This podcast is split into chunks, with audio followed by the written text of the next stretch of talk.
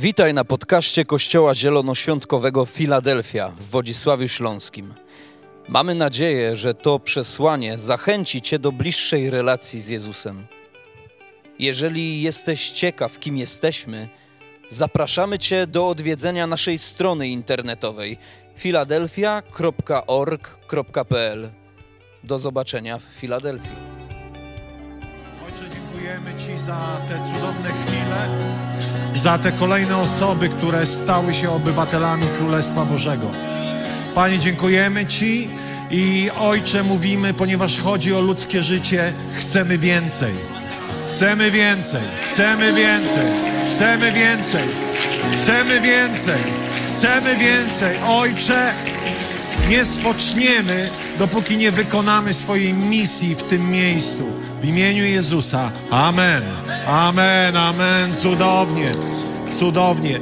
Tak jak ten chrzest tutaj był i sobie myślę tak, ja kocham ten kościół za, za, za, za wiele rzeczy, ale jedną, że tu naprawdę każdy to jest oryginał.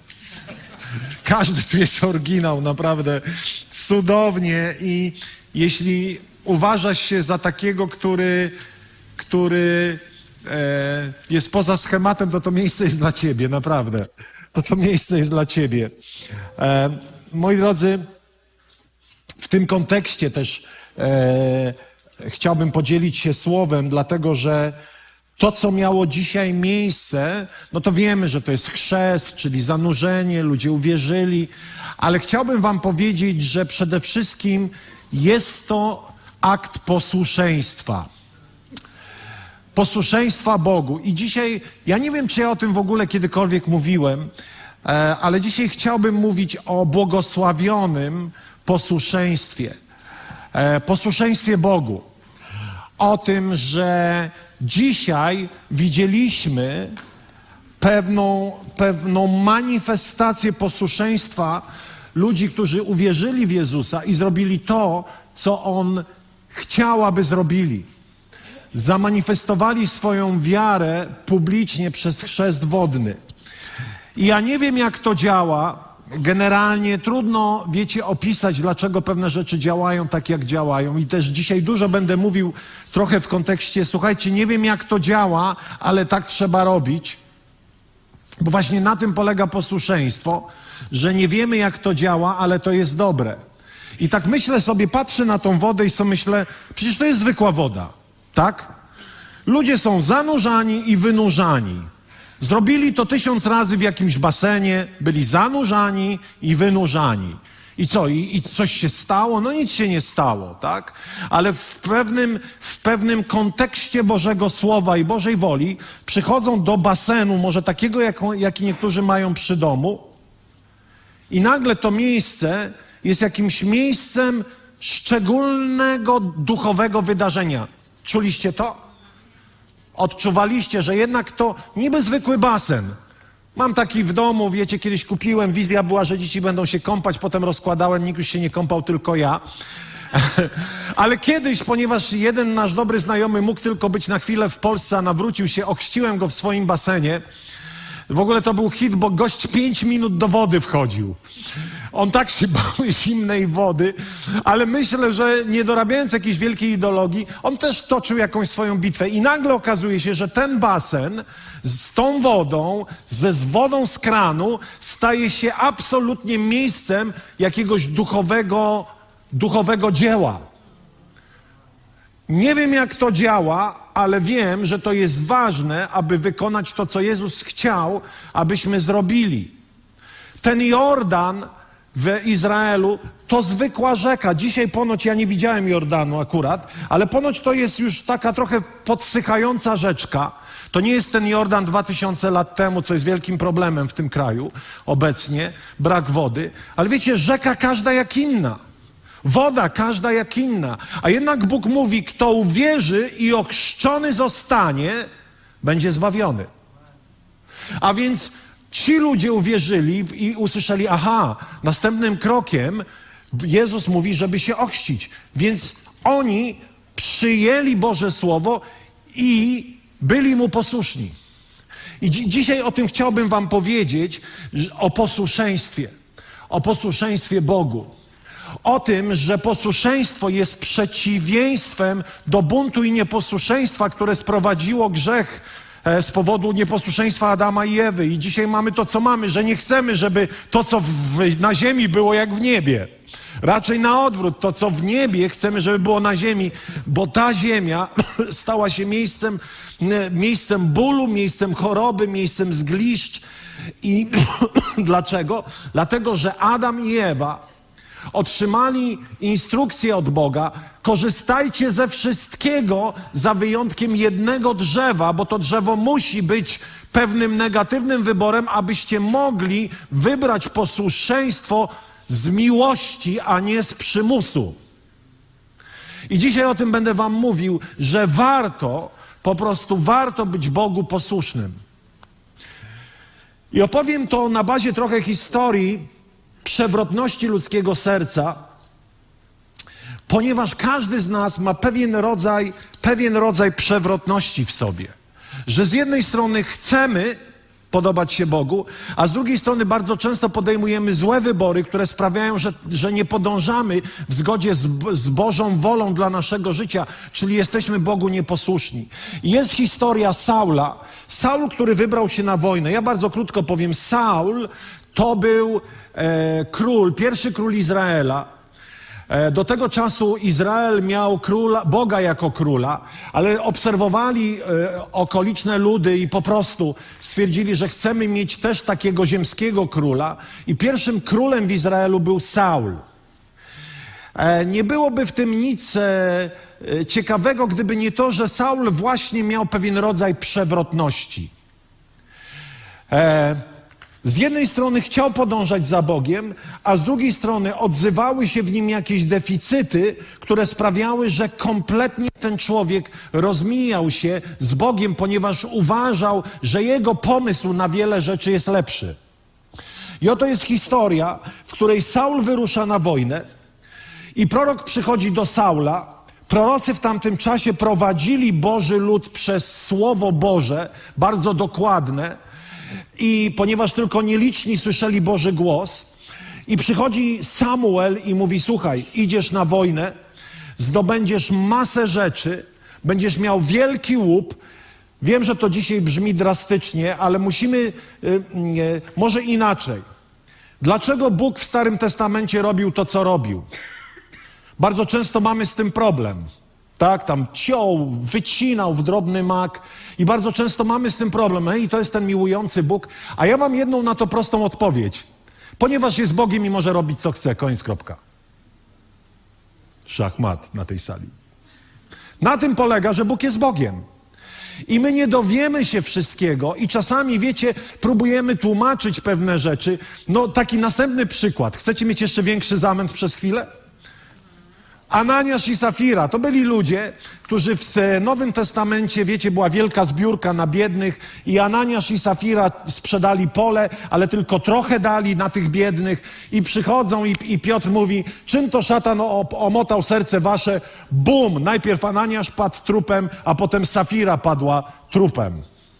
Jakbyście szukali tematu na hojność, to właśnie powiedzcie ten przykład o Ananiaszu i Safirze. Na pewno hojność w twoim sercu wzrośnie. I wiecie, padli trupem.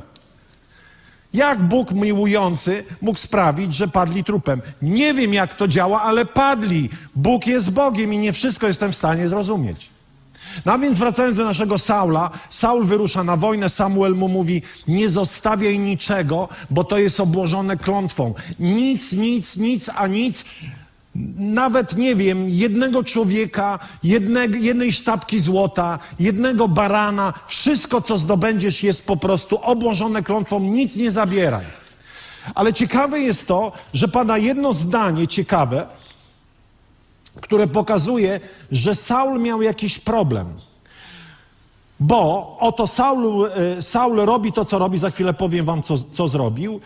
E, I kiedy Samuel przychodzi zobaczyć, y, co tam się dzieje, to najpierw po tej całej bitwie, najpierw dowiaduje się, że Saul pojechał postawić sobie pomnik i go nie ma.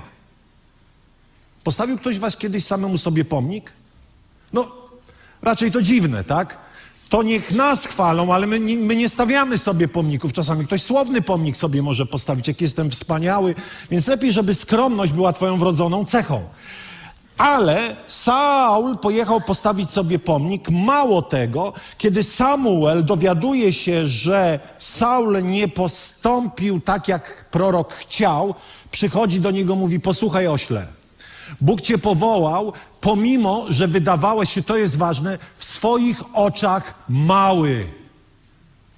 Mały. I to mi już pokazuje, że Saul miał pewien deficyt, z którym się nie rozprawił.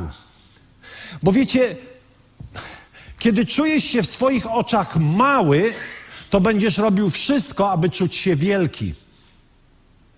Kiedy będziesz miał tylko okazję, aby uleczyć swój kompleks, to na pewno zrobisz wszystko, aby to zrobić, i czasami posuniesz się do rzeczy złych. Ale nie o tym mowa, natomiast chcę pokazać, że Saul miał jakieś wewnętrzne problemy bardzo poważne ze sobą. Choćby kiedy Dawid, jego, jego konkurent w cudzysłowie, pojawił się na politycznej scenie, to Saul postanowił go zabić, ponieważ poczuł się zagrożony. Bardzo często, kiedy my ma, czujemy się wewnątrz mali, kiedy Bóg zaczyna kogoś błogosławić, kiedy ktoś, nie wiem, e, widzimy, że, że, że, że, że po prostu dobrze mu się wiedzie, ludzie mali zawsze zdyskredytują osiągnięcia ludzi, których Bóg błogosławi.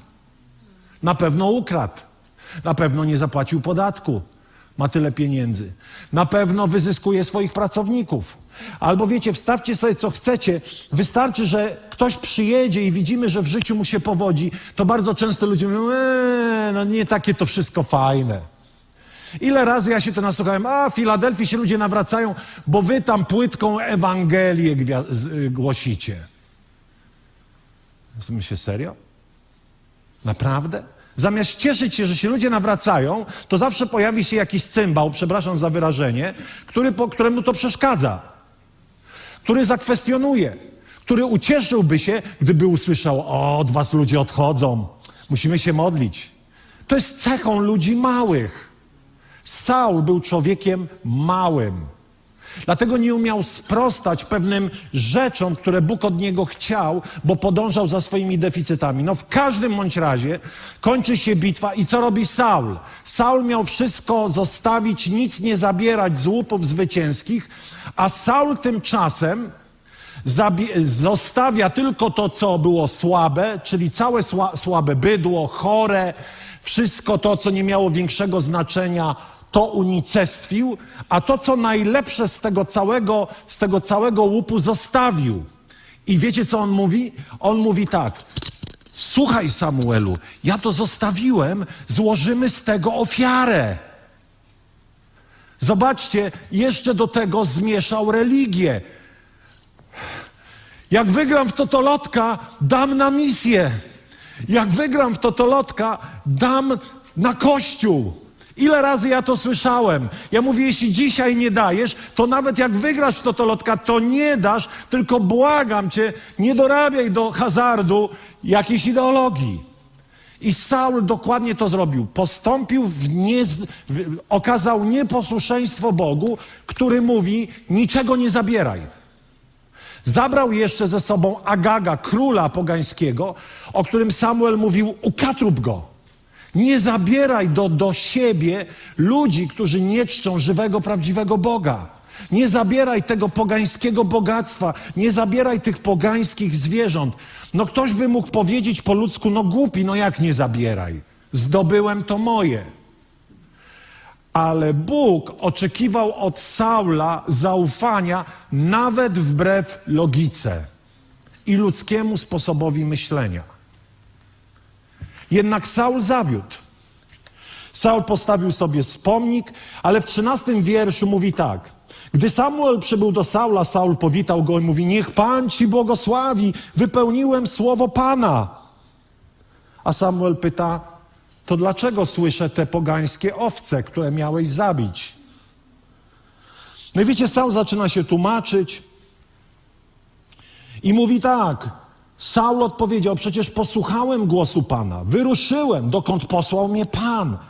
Przyprowadziłem Agaga, króla Amalekitów, a ich potraktowałem jak obłożonych klątwą. Lud natomiast wziął z łupu obłożonego klątwą najlepsze owce i bydło, aby je ofiarować Panu. Samuelu, proroku, co się chłopie mnie czepiasz? Ja chciałem dobrą religijną rzecz zrobić. Zagram w totolotka i część dam dla Pana.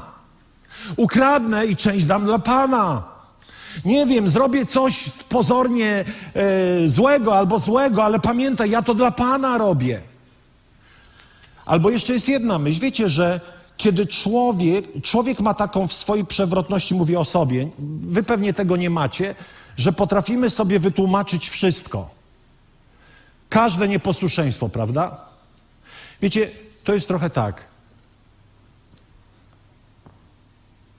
Ja jestem, mam cukrzycę, to znaczy jeszcze mam. I zawsze, kiedy jem słodycze, to sobie tłumaczę, a co kurde, należy mi się. Ile można te diety stosować? Należy mi się. Poza tym byłem zdenerwowany. Albo ten słynny tekst u nas domu, do, w domu to jest taki, jak idziemy na zakupy i sobie coś kupimy, mówimy, przecież my nie pijemy, nie palimy, możemy sobie pozwolić na to. Człowiek ma przewrotną naturę. Kiedy zaczyna robić źle, to zawsze znajdzie kogoś, kto jest winny tego stanu. Zgadzacie się z tym? Prawda? Nie chcę wchodzić na, na, na, na grunt relacji, ale wiecie, kiedy pracujesz z ludźmi i jest jakiś konflikt między ludźmi, to bardzo rzadko ktoś powie: Kurczę, dałem ciała, moja wina. Z reguły każdy chce przerzucić odpowiedzialność na kogoś drugiego. Nie chcemy wziąć odpowiedzialności za swoją skuchę. I w duchowej rzeczywistości jest bardzo podobnie. Przecież mi się należało, przecież mogłem, i tak dalej, i tak dalej. I Saul mówi: No przecież ja to wszystko dam Panu. Tymczasem Samuel mówi tak, pierwsza Samuela, 15 rozdział 22, poproszę, aby to wy, wy, wy, wyświetlić. Wtedy Samuel powiedział, czy całopalenia i ofiary są dla Pana taką przyjemnością, jak słuchanie Jego głosu? Posłuszeństwo jest lepsze niż ofiara. Uważne słuchanie lepsze niż tłuszcz barani. Pewnie ten tłuszcz barani był dosyć, dosyć cenny. I czyli, co chce powiedzieć prorok? Prorok chce powiedzieć, ja rozumiem, że ty dorabiasz do tego religijną ideologię, dorabiasz do tego duchowość, e, do tego ubierasz to wszystko w szaty pobożności, ale tak naprawdę posłuszeństwo Panu, Bóg oczekiwał tego, tego i tego, a tak naprawdę nie zrobiłeś tego i zasłaniasz się tymi wszystkimi baranami, które idą na ofiarę. To kompletnie nie ma znaczenia. Nie ma znaczenia. Posłuszeństwo Bogu, postępowanie w zgodzie z Bożym sercem jest absolutnie najważniejsze. Ponieważ w styczniu będziemy przerabiać, nauczać na temat hojności. Hojny z miłości, taki tytuł będzie miał cały cykl. E, przyjdźcie, nie zamykajcie swoich serc. E, ale jest ciekawy fragment. Na pierwszym, na pierwszym wykładzie będę mówił o ojcowskim sercu. Jak Bóg troszczy się o sprawy królestwa, ale także troszczy się o tych, o których nikt się nie troszczy poprzez nas ludzi. Jak Bóg troszczy się o biednych, jak Bóg troszczy się o wykluczonych i Bóg chce to, to czynić przez nas. I teraz zobaczcie, jest fragment, który całe życie mi nie pasowała jego interpretacja. Jest taki fragment w Izajasza o poście. Znacie, niektórzy znają. To jest post, w którym mam upodobanie. Że rozwiązuje się bezprawne więzy, że podzielisz swój chleb z wdową i ubogim i tak dalej, i tak dalej. I wtedy twoje światło szybko wzejdzie i tak dalej. I całe życie mi charyzmatykowi mówiono tak, że to, że jak będziesz pościł, to, to jest droga do uwolnienia. Myśleliście tak? To jest bzdura na takich kółkach, że aż boli. Czyli muszę teraz pościć, aby mnie Jezus uwolnił. Nie, tam w ogóle o, o, o żadne uwolnienie nie chodzi. Tylko Ojciec, Bóg Ojciec mówi tak. Przestańcie robić te wszystkie duchowe cyrki, te pokazówki. Lepiej weźcie pieniądze i pomożcie bezdomnym, zniewolonym, Wypuśćcie ich na wolność, zapłaćcie za niewolnika, którego trzeba wykupić, podzielcie się chlebem, niż wznosicie swoje wielkie modlitwy i swoje posty. O to tam chodzi. Tam nie ma nic o żadnym duchowym uwolnieniu. Tam nie ma nic o żadnym duchowym uwolnieniu. Tam chodzi o to, że Izrael robił wielki post, a tak naprawdę miał zamknięte serca z powodu pieniędzy które zagarniał dla siebie. Izrael miał ponad 20 różnych zbiórek i wiecie, oni prawdopodobnie kreowali się na bardzo uduchowionych. A ojciec mówi: Ej, ale nie robicie tego, co jest najważniejsze. Nie okazujecie serca, wsparcia, dobroci innym ludziom, a wielce pościcie. Jesteście ze mną? Możecie to studiować. To jest naprawdę to jest tak dobre odkrycie, że to nie jest ode mnie, to jest od Pana. No w każdym razie ten Saul właśnie, właśnie swoje nieposłuszeństwo Bogu przykrył pobożnością.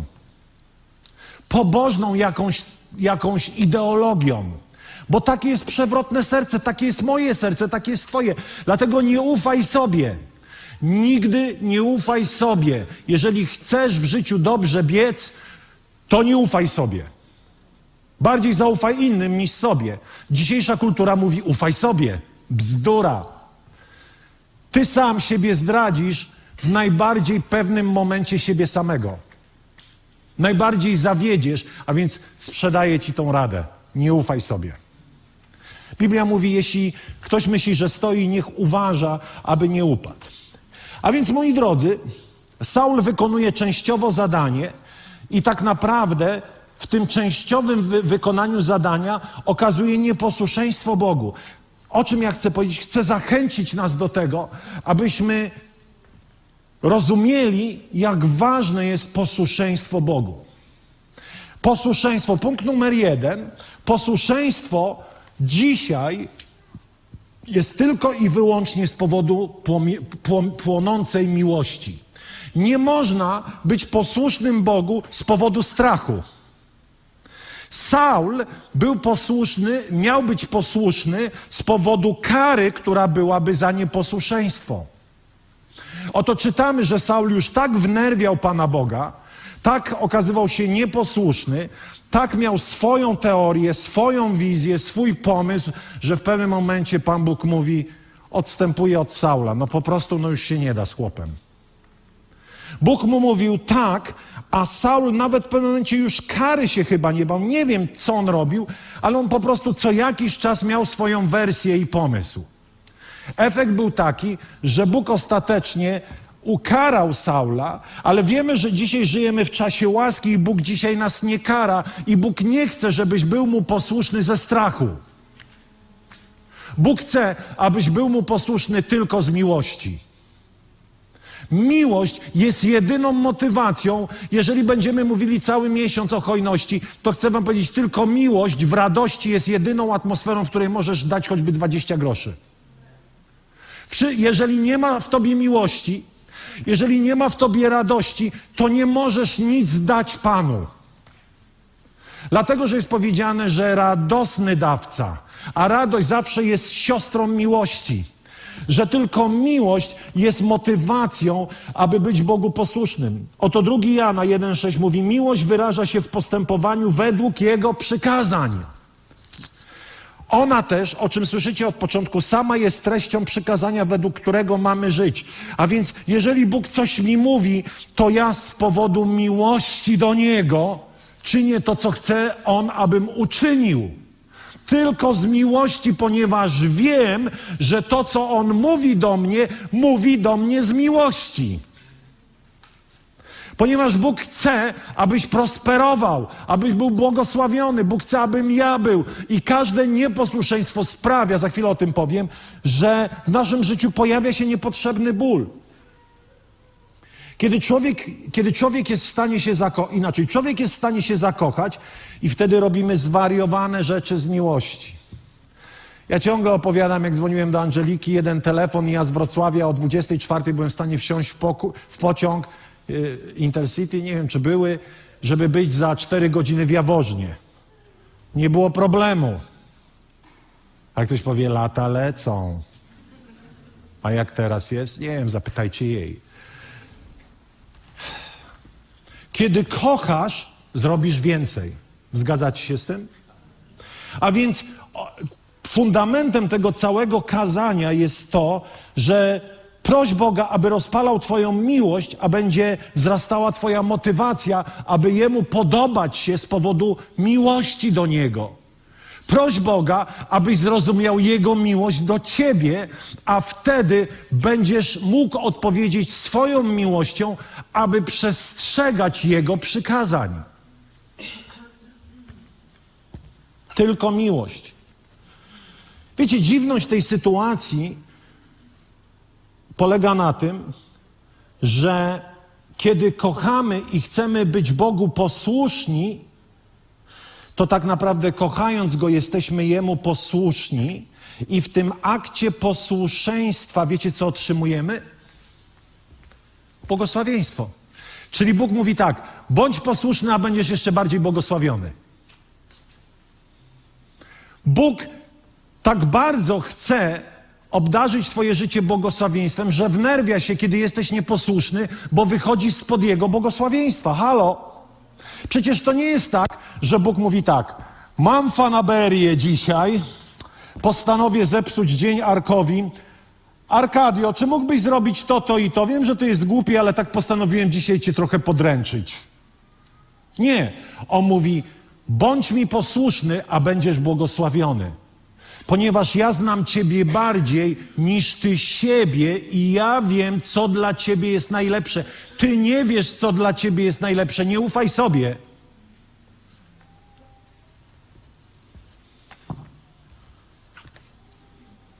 Bóg nie oczekuje posłuszeństwa, aby okazać swoją władzę, ale aby uwolnić nad Tobą błogosławieństwo. O jak szczęśliwi są ci, którzy żyją nienagannie, postępują zgodnie z prawem Pana. I jak szczęśliwi są ci, którzy przestrzegają Jego postanowień i szukają Go z całego serca. Szczęśliwi ci, którzy szukają Jego postanowień, którzy są gotowi przestrzegać Jego drogi, Jego słowa. Za chwilę o tym też powiem o Jego słowie. Po drugie, poddanie to jest uznanie, że moje życie należy do Jezusa. Bo jeśli ustami swoimi wyznasz, że Jezus jest Panem i uwierzysz w swoim sercu, że Bóg wzbudził go z martwych, będziesz zbawiony. Bardzo ciekawy werset, często cytowany podczas tych modlitw o nawrócenie. Ale bo jeżeli uznasz, że Jezus jest Panem, kogo? Sąsiada? Nie, Twoim. A więc kiedy On, uznajesz Go swoim Panem, to tak naprawdę mówisz, ja nie wiem, co mam czynić, ale będę czynił to, co Ty chcesz, żebym czynił, ponieważ ja uznałem, że Ty jesteś moim Panem. Bardzo często chcemy, żeby Jezus był zbawicielem, ale zapominamy, że jest Panem. A więc przyjmujemy zbawienie, ale już niekoniecznie pozwalamy Mu panować w naszym życiu. Jest taki fragment, bardzo lubię ten, ten, ten, ten, ten wiersz w objawieniu Jana. O Bożym ludzie jest tam napisane tak i podążają za barankiem, dokądkolwiek ich prowadzi. Baranek będzie cię prowadził w różne miejsca, syn Boży. Ale na tym polega, że ja, uznając go swoim panem, mówię: Jestem twoim niewolnikiem, oddaję ci się w niewolę.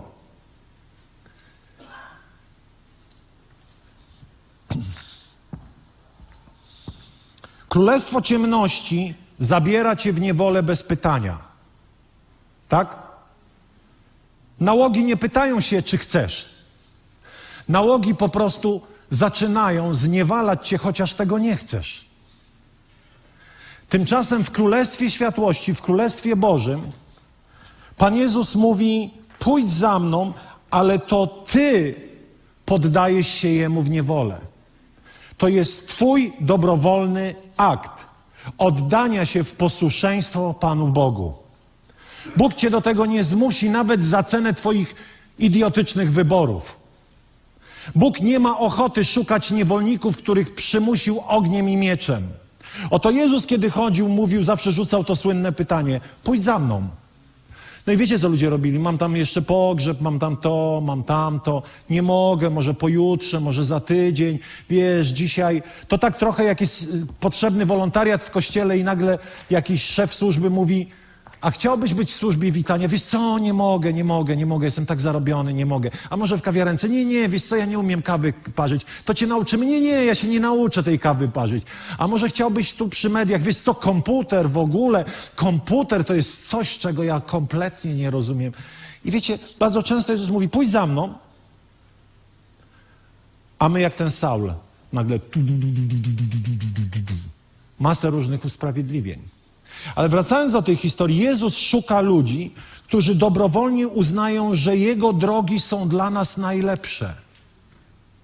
Którzy abdykują ze swojego pomysłu i powiedzą: Ty rządź, Ty rządź. Ja już nie chcę czytać na portalach, co jest dla mnie najlepsze. Ja już nie chcę słuchać różnych ludzi, którzy mówią: Nie bądź głupi, nie pozwól na to czy na tamto. Jak będziesz miał miękkie serce, to musisz mieć twardą i tak dalej, a więc nie miej miękkiego serca. Wiecie, to są ludzkie nauki. Głupie tak, że aż głowa boli. To ja chcę mieć miękkie serce i miękką. Albo twardą, ale chcę ciągle mieć miękkie serce. Ale wiecie, te mądrości facebookowe. Czasami jak czytam i sobie myślę, wierzący lajkują antychrześcijańskie myśli.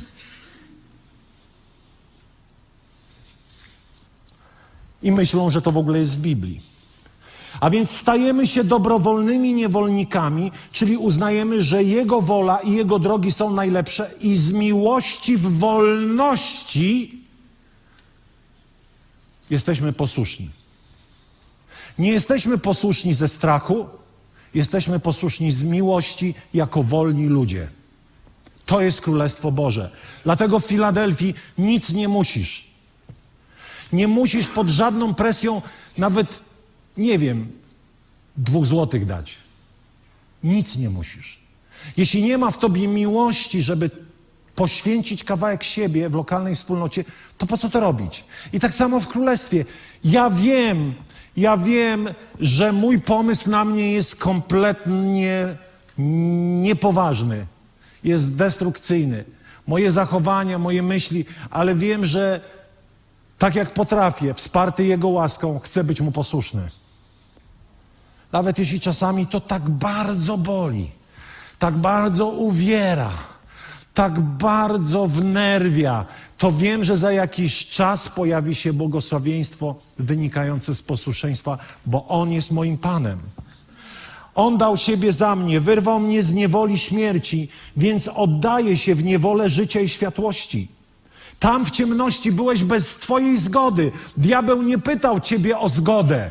Po prostu dewastował Twoje życie. Więc chyba warto dzisiaj oddać się Jemu w niewolę, Synowi Bożemu, który zawsze dla mnie chce jak najlepiej. Po trzecie, posłuszeństwo to jest wyraz mojego zaufania. Tak jak tu już powiedziałem wiele razy, że On chce dla mnie jak najlepiej. Ja do końca nie wiem, na czym to polega. Nie wszystko rozumiem. Muszę czasami uznać, że to, co Bóg mówi, nie ma sensu. Jaki miało sens wytracić najlepsze bydło? Jaki miało sens nic nie zabierać z tej bitwy? Ja nie wiem jaki, ale Bóg to powiedział. Moi drodzy, jeżeli chcecie wszystko zrozumieć, co wiąże się z Królestwem Bożym, to chcę Wam powiedzieć, że poniesiecie porażkę. Podam taki przykład. To jest iPad. Ludzie go wymyślili. Ludzie rozumieją, jak działa iPad. Zgadzacie się z tym? Bo go stworzyli. No, jakaś interakcja, tak? Zgadzacie się z tym? Ludzie rozumieją, jak to działa. Ale pytanie jest, czy iPad rozumie, jak działa człowiek? Nie. Chociaż jest genialnym urządzeniem. nie jest w stanie zrozumieć człowieka, ponieważ człowiek jest poza iPadem. Jest na zewnątrz. Wiecie, uwielbiam te teorie, no kto stworzył Boga? To jest pytanie bez sensu, bo Bóg jest poza czasem. On w ogóle nie ma ochoty odpowiadać na takie pytanie. On jest poza naszą, naszą rzeczywistością, naszym iPadem. I teraz iPad rozumie to, co się dzieje w iPadzie. Ale tylko człowiek rozumie, jak działa iPad, ale iPad nie jest w stanie zrozumieć człowieka. Może co najwyżej wiecie, co zrozumieć, bo to jest na odcisk palca. Zrozumieć, jak działa odcisk palca i przesuwanie i różne ikonki. To tyle iPad rozumie, jeśli chodzi o człowieka. I teraz, jeśli próbujesz zrozumieć Boga i na wszystko znaleźć logiczną odpowiedź, będziesz chrześcijaninem, który ciągle żyje w wątpliwościach. I twoja wiara ciągle będzie słaba i chwiejna. Dlatego, że robisz to, co robi większość dziś współczesnych ludzi. Pozwól mi zrozumieć. Nie, nie. Pewnych rzeczy nie da się zrozumieć, ponieważ Bóg, który stworzył nas, jest poza nami w pewnym sensie. On jest poza rzeczywistością, którą ty rozumiesz, ty łapiesz, ale on jest nieskończenie mądrzejszy niż ty. Dlatego, kiedy człowiek próbuje wszystko zrozumieć, bardzo trudno, i ja to mówię o sobie, wypuścić pewne rzeczy z rąk i zaufać. Ponieważ chcemy wszystko kontrolować, jeżeli chcemy wszystko kontrolować, to będziemy mieli tyle Boga, ile potrafimy zmieścić w swoich kontrolujących dłoniach. I ostatecznie i tak poniesiemy porażkę. Ale być posłusznym Bogu to zaufać Mu, pomimo że nie rozumiem i nie czyni mnie to głupkiem. Jak działa uzdrowienie? Ja nie wiem, jak działa jak działa zbawienie. Ja nie wiem, jak to się technicznie odbywa. Dlaczego w tej wodzie, która za dwie godziny będzie zwykłą wodą, dzisiaj podczas tego spotkania była miejscem Bożej obecności? Ja nie wiem, jak to działa, ale wiem, że mam to robić, że mamy chrzcić ludzi. Ja nie wiem, jak to się wydarzyło, że Jezus w piątek, Wielki Piątek, był pokieroszowany, poobijany, a potem trzy dni później wyglądał jak bobas świeżo narodzony. Doskonały. Ja nie wiem, jak to działa. Ja nie wiem do końca, ja nawet trochę nie wiem, jak działa wszechświat. Ale ja nie muszę tego wiedzieć. Ja ufam. I to moje zaufanie musi sprawia, że muszę nauczyć się wypuszczać pewne rzeczy z rąk, na które nie mam wpływu, i po prostu powiedzieć: Ufam Ci. Ufam Ci. Ufam Ci, nawet jeśli odpowiedź będzie inna niż ja oczekuję, to ufam Ci. Ufam Ci, że kiedy wypuszczę to ze swoich rąk, to nie czyni mnie osobą, że tak powiem, jak to znaleźć słowo, taką żyjącą przypadkiem, ale ja oddaję coś w Twoje ręce. Są rzeczy, które Bóg chce, abyśmy robili, ale w pewnych rzeczach mówi: zaufaj. Zaufaj. I czwarta myśl, związana z posłuszeństwem, to jest wiara. W co wiara? W Boże Słowo. Ponieważ to tam najpierw odkrywamy Jego wolę, wobec której powinniśmy być posłuszni. Wiara jest pewnością. A więc ja muszę dojść do miejsca, w którym oczekuję wypełnienia się wszystkich obietnic, które Bóg nam dał w tym słowie. Wierzę, że to, co On powiedział, jest ponad wszystko to, co mówi człowiek. Wierzę, i będę podążał za tym słowem, nawet jeśli miałbym być uznany za idiotę, który wierzy w jakąś księgę sprzed dwóch tysięcy lat. Wierzę we wszystko, co tam jest napisane, nawet jeśli to dzisiaj źle brzmi, wspomniany Ananiasz i Safira. No jak to jest, że ten miłujący Bóg ukatrupił? Właściwie teolodzy mówią, że to, to, to, to, to, to nie Pan, ale to ich uczynek wprowadził ich w, w taką, taki mm, wpływ demoniczny i oni po prostu poumierali z powodu tego, tego, tego, tego kłamstwa, ale jakkolwiek, ja nie muszę Boga tłumaczyć z tego, że Ananiasz i Safira padli trupem. Ja po prostu wiem, że Bóg jest Bogiem. Ja wierzę, że jeżeli Jezus coś mówi w tym słowie, w Nowym Testamencie najpierw, a potem w Starym, ludzie często najpierw czytają Stary, a potem Nowy. Nie, najpierw w Nowym, i jeżeli jest tam napisane to, co jest napisane, to ja uczę się każdego dnia wierzyć w to. Ponieważ kiedy będę wierzył, to będę rozumiał, że nawet jeśli dzisiaj jesteś nieposłuszny, to będziesz dążył do tego, aby być posłuszny. Nawet jeśli dzisiaj średnio ci z tym idzie, to ponieważ uznałeś tą księgę za najwyższy autorytet, to pewnego dnia ostatecznie będziesz praktykował to, co ta księga mówi, abyś czynił, czyli pewnego dnia będziesz posłuszny Bogu. A więc jak to zrobić? Jeszcze raz powiem, nie staraj się wszystkiego zrozumieć. Nie staraj się zadawać miliona pytań, ponieważ Bóg nie ma żadnego obowiązku odpowiadać ci na pytania i prawdopodobnie nie odpowie. Skąd to wiemy? Ponieważ kiedy faryzeusze przyszli do Jezusa i zadają mu pytania, a on zadał im pytanie, oni nie umieli odpowiedzieć, on mówi, to i, wam, to i ja wam nie odpowiem. Szachmat. Ponieważ Bóg jest Bogiem, to czasami on tylko powie, nie odpowiem ci, ale zaufaj. Nie musi się Bóg przed nami tłumaczyć. Bóg chce powiedzieć: zaufaj. Nie próbuj wszystkiego zrozumieć. Nie czyni cię to osobą upośledzoną albo bezmyślnie przyjmującą i łykającą wszystko jak mały pelikan, ale raczej osobą, która zna swojego Boga i pomimo, że nie rozumie wszystkiego, to mu ufa. Jeżeli chcesz wszystko zrozumieć, to Twój Bóg będzie taki duży jak Twój mózg. Tylko taki. A jeżeli chcesz żyć z ponadnaturalnym Bogiem, to wielu rzeczy nie będziesz rozumiał, ponieważ wykraczają poza Twój umysł. I nawet nie ma sensu nam tego tłumaczyć, bo my tego nie pojmiemy.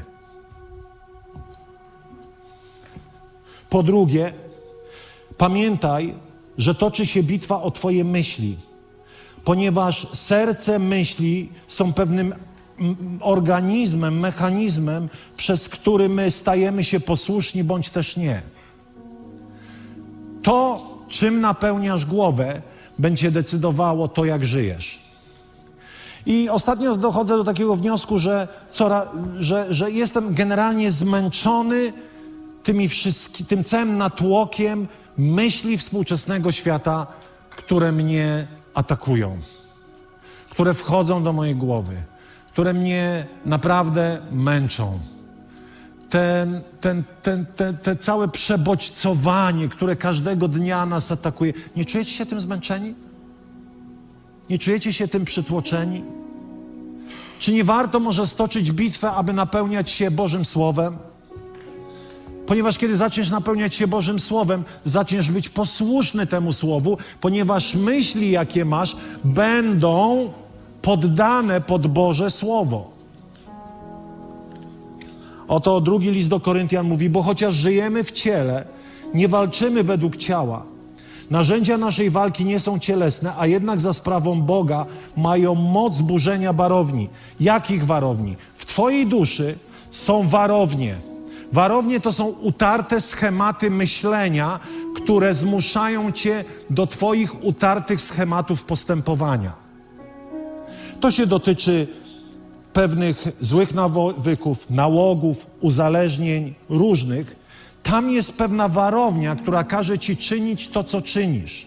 Tam jest pew, pewna warownia duchowa, która wymusza na tobie pewien schemat postępowania. I bardzo często chcemy zmienić zachowanie, nie zmieniając myślenia. Na chwilę zadziała. Ale musisz najpierw zająć się swoimi myślami, żeby można było zająć się Twoim postępowaniem. A więc co tam się dzieje? Tam się dzieje tak, nim też burzymy wrogie zamiary, mamy duchowy oręż, nim też burzymy wrogie zamiary, wszelką zuchwałość podnoszącą się przeciw poznaniu Boga. Jaka tu może być zuchwałość? Wiem lepiej, Bóg nie wie wszystkiego. Będę postępował po swojemu. Ja mam na siebie pomysł, to jest zuchwała myśl. To jest zawsze myśl, która, to jest myśl, która miała swój początek w ogrodzie Eden. Czyli Bóg mówi, nie rób tego, a zuchwała myśl dopadła Ewę i Adama, Adama i Ewę i mówi, co mi tam Bóg będzie mówił? Ja wiem, co należy zrobić.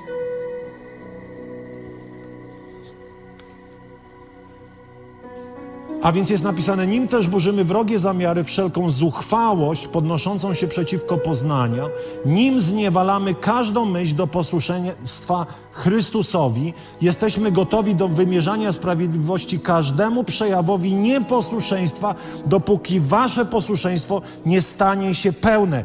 O co tu chodzi? O to chodzi, że musimy zmienić pewne nawyki myślenia, które zmieniamy tylko poprzez to. Nie ma innej drogi. A więc jeżeli nie ma tego w moim życiu i w Twoim, to nie ma zmiany nawyków. To przegrywamy. To dalej żyjemy po swojemu. To dalej reagujemy, mamy pewien zły schemat reagowania na różne trudne sytuacje, ponieważ nie ma tego. Dlatego w ramach noworocznego postanowienia sobie pomyślałem, raz w życiu to zrobię. Wywalę w... nie powiem gdzie, bo te wszystkie szumy i śmieci informacyjne, które mnie atakują przez ostatnie miesiące. Ja jestem zmęczony. Ja chcę usiąść z tym słowem jeszcze bardziej. Chcę po prostu nasiąkać nim i zmieniać swoje nawyki. Stać się zupełnie wolnym.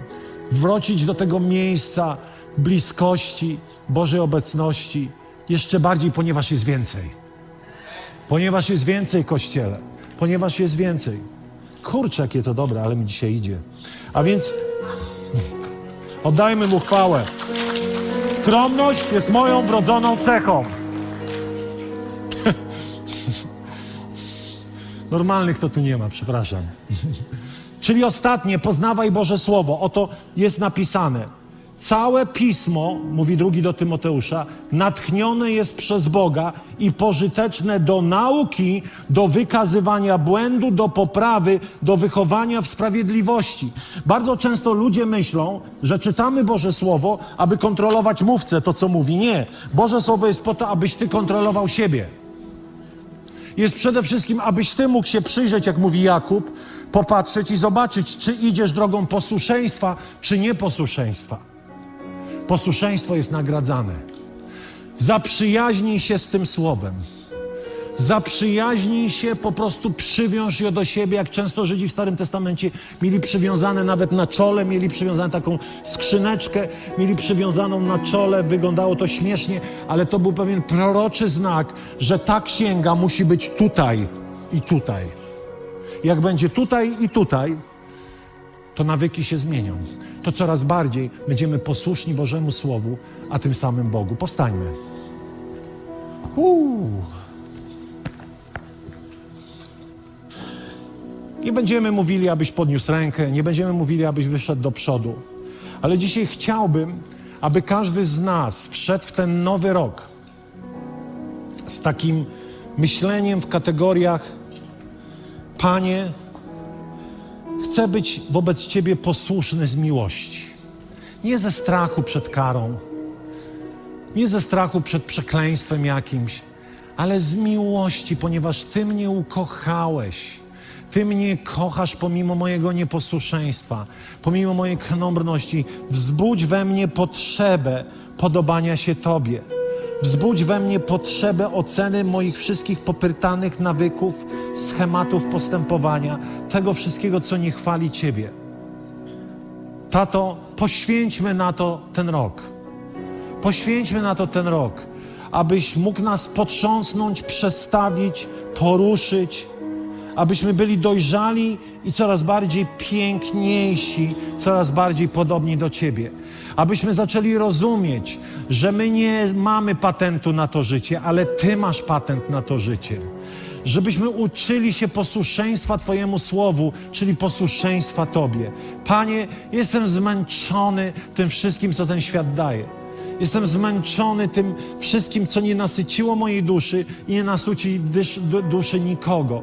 Panie, ucz nas podążać za Tobą, dokądkolwiek nas będziesz prowadził. Podążać za Tobą bez względu na to, jakie to są miejsca. Chcemy być Tobie posłuszni, bo lepiej być z Tobą w piecu ognistym niż w, pod palmami bez Ciebie, Panie.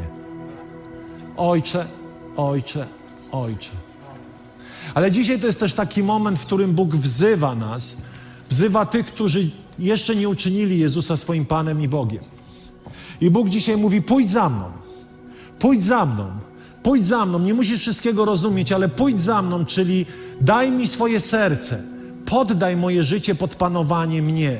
I dzisiaj stawiam pytanie: czy jest ktoś na sali, kto jeszcze nie uczynił Jezusa swoim Panem i chcesz dzisiaj przez prosty akt zawierzenia Mu swojego życia powiedzieć: Tak, Panie Jezu, stań się moim Panem i Bogiem. Jeżeli tak, to podnieś swoją rękę na kilka sekund, bo chcę się z Tobą pomodlić. Jeżeli dzisiaj ktoś na tej sali chce powierzyć swoje życie Bogu, śmiało, ręka w górę, powiesz: Ojcze, chcę dzisiaj, aby Jezus był moim Panem i Bogiem. Poczekamy chwilę. Czy ktoś jest na tej sali dzisiaj, kto chce powierzyć swoje życie Bogu? Tu jest jedna osoba, następni. Kto jeszcze? Kto jeszcze? Tam jest jedna osoba. Kto jeszcze? Śmiało, śmiało, śmiało. Lepiej zaufać Bogu niż sobie. Tu jest osoba, super, tu jest osoba, super. Kto jeszcze? Tam jest osoba, jest wiele rąk. Kto jeszcze? Śmiało, śmiało. Tam jest osoba. Wiem, że to jest walka, ale to jest ten moment, w którym nie wszystko musisz rozumieć, ale powiedz: Boże, ufam Ci. Boże, ufam Ci. Wiem, że ten kościół wygląda na zwariowany, ale opuśćcie, ale ufam Ci, że ten gość mówi dobre rzeczy. Kto jeszcze? Podnieś swoją rękę i powiedz: Tutaj jest osoba, super. Kto jeszcze? Kto jeszcze dzisiaj zaufa Bogu i powie: Chcę należeć do Ciebie? Czy jeszcze tam jest ręka? Świetnie. Kto jeszcze? Kto jeszcze? Kto jeszcze? Kto jeszcze? Czy jeszcze ktoś? Jeszcze ostatnie, ostatnie sekundy czekamy. Możesz dać znak. To jest ważny moment. Jest wiele rąk.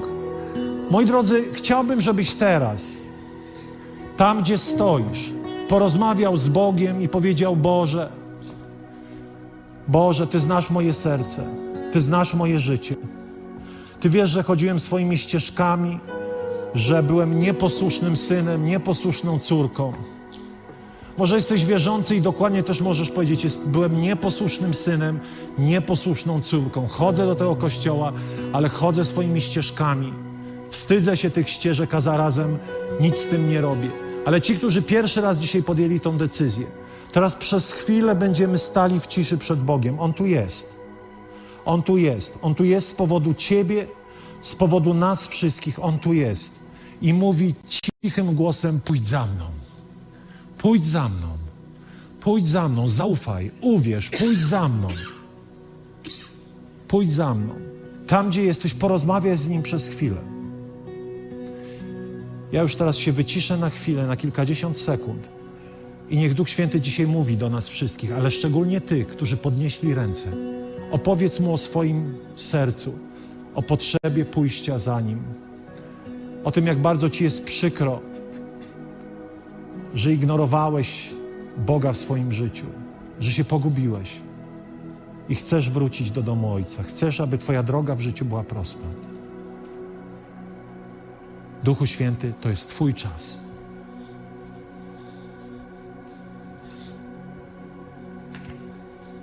To jest Twój czas. To jest Twój czas. Hoke Arabas Sand. To jest Twój czas.